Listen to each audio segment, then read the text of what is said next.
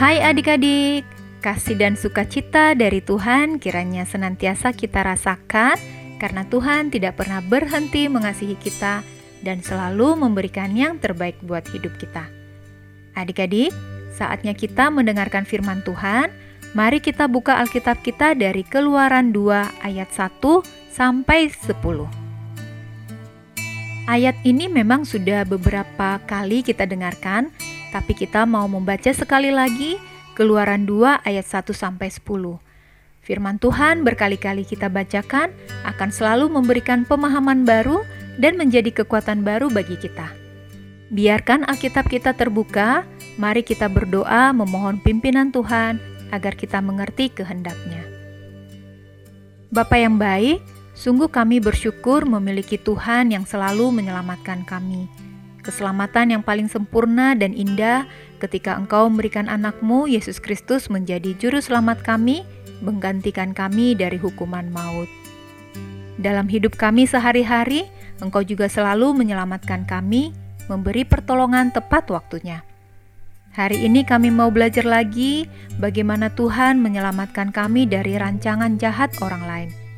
Beri kami pengertian dan agar kami juga mempercayakan hidup kami dalam tangan kasih-Mu. Jadikan firman hari ini menjadi kekuatan baru bagi kami untuk selalu melangkah bersama Tuhan. Terima kasih Tuhan, dalam nama Tuhan Yesus kami berdoa dan mengucap syukur. Amin. Pembacaan Alkitab terambil dari Keluaran 2 ayat 1 sampai 10. Tadi adik-adik sudah membukanya. Sekarang kita baca Keluaran 2 ayat 1 sampai 10 dari tempat kita masing-masing ya adik-adik. Musa lahir dan diselamatkan. Seorang laki-laki dari keluarga Lewi kawin dengan seorang perempuan Lewi, lalu mengandunglah ia dan melahirkan seorang anak laki-laki. Ketika dilihatnya bahwa anak itu cantik, disembunyikannya tiga bulan lamanya. Tetapi ia tidak dapat menyembunyikannya lebih lama lagi, sebab itu diambilnya sebuah peti pandan, dipakalnya dengan gala-gala dan ter, diletakkannya bayi itu di dalamnya dan ditaruhnya peti itu di tengah-tengah teberau di tepi sungai Nil. Kakaknya perempuan berdiri di tempat yang agak jauh untuk melihat apakah yang akan terjadi dengan dia. Maka datanglah putri Firaun untuk mandi di sungai Nil, sedang dayang-dayangnya berjalan-jalan di tepi sungai Nil, lalu terlihatlah olehnya peti yang di tengah-tengah teberau itu. Maka disuruhnya hambanya perempuan untuk mengambilnya. Ketika dibukanya, dilihatnya bayi itu dan tampaklah anak itu menangis, sehingga belas kasihanlah ia kepadanya dan berkata, Tentulah ini bayi orang Ibrani Lalu bertanyalah kakak anak itu kepada putri Firaun, "Akan kupanggilkah bagi tuan putri seorang inang penyusu dari perempuan Ibrani untuk menyusukan bayi itu bagi tuan putri?" Sahut putri Firaun kepadanya, "Baiklah." Lalu pergilah gadis itu memanggil ibu bayi itu. Maka berkatalah putri Firaun kepada ibu itu, "Bawalah bayi ini dan susukanlah dia bagiku, maka aku akan memberi upah kepadamu." Kemudian perempuan itu mengambil bayi itu dan menyusuinya. Ketika anak itu telah besar, dibawanyalah kepada putri Firaun yang mengangkatnya menjadi anaknya dan menamainya Musa. Sebab katanya, karena aku telah menariknya dari air. Demikianlah firman Tuhan. Adik-adik, judul renungan kita diselamatkan dari rancangan jahat. Dan kita baca sekali lagi Keluaran 2 ayat 9a sebagai ayat fokus kita yang berbunyi, maka berkatalah putri Firaun itu kepada ibu itu, Bawalah bayi ini dan susukanlah dia bagiku. Hari ini kita belajar lagi dari pengalaman Mama dan Bulan. Seseorang menghubungi Mama lewat handphonenya Orang itu mengabarkan bahwa Om Victor, adik Mama, mengalami kecelakaan di luar kota. Dan sekarang sedang diurus untuk dirawat di rumah sakit terdekat. Diperlukan biaya yang cukup besar.